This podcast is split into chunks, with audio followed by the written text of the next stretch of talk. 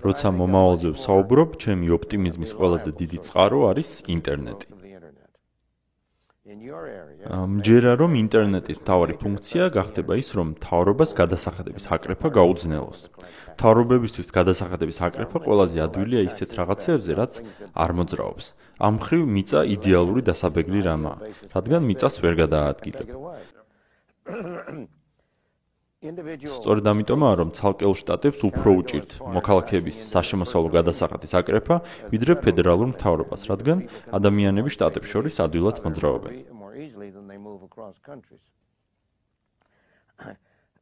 ინტერნეტის დახმარებით უამრავი სახის სერვისზე გადასახადების აკრეფა ძალიან გაძნელდება, რადგან შესაძლებელი გახდება ამ ტრანზაქციების მთლიანად კიბერ სივრცეში განხორციელება.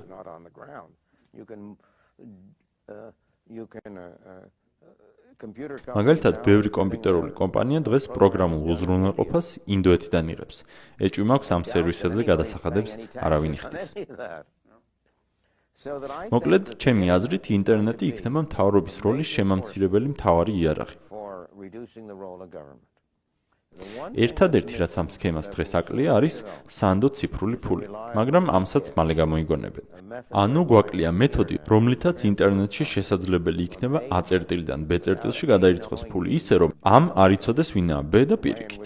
ანუ ისევე როგორც მე შემიძლია ეხლა თქვენ მოგცეთ 20 დოლარი და არ იარსებებს ამ ტრანზაქციის არანაირი ჩანაწერი. ხოლო თქვენ შეგიძლიათ მიიღოთ ეს ფული ისე, რომ საერთოდ არ იცოდეთ ჩემი იდენტობა. ასეთი მეთოდი მალე გამოჩნდება ინტერნეტში და ის ადამიანების ცხოვრებას ბევრად გაუადვილებს. რა თქმა უნდა, ამას თავის ცუდი მხარეც აქვს. ამით განგსტერებს არალეგალურ საქმიანობაში ჩართულ ხალხსაც გაუადვილდება საკუთარი ბიზნესის წარმოება. მაგრამ იმას, რომ ინტერნეტი მთავრობას გაურთულებს გადასახადების აკრეფას, აი ამას ძალიან პოზიტიური ეფექტი ექნება.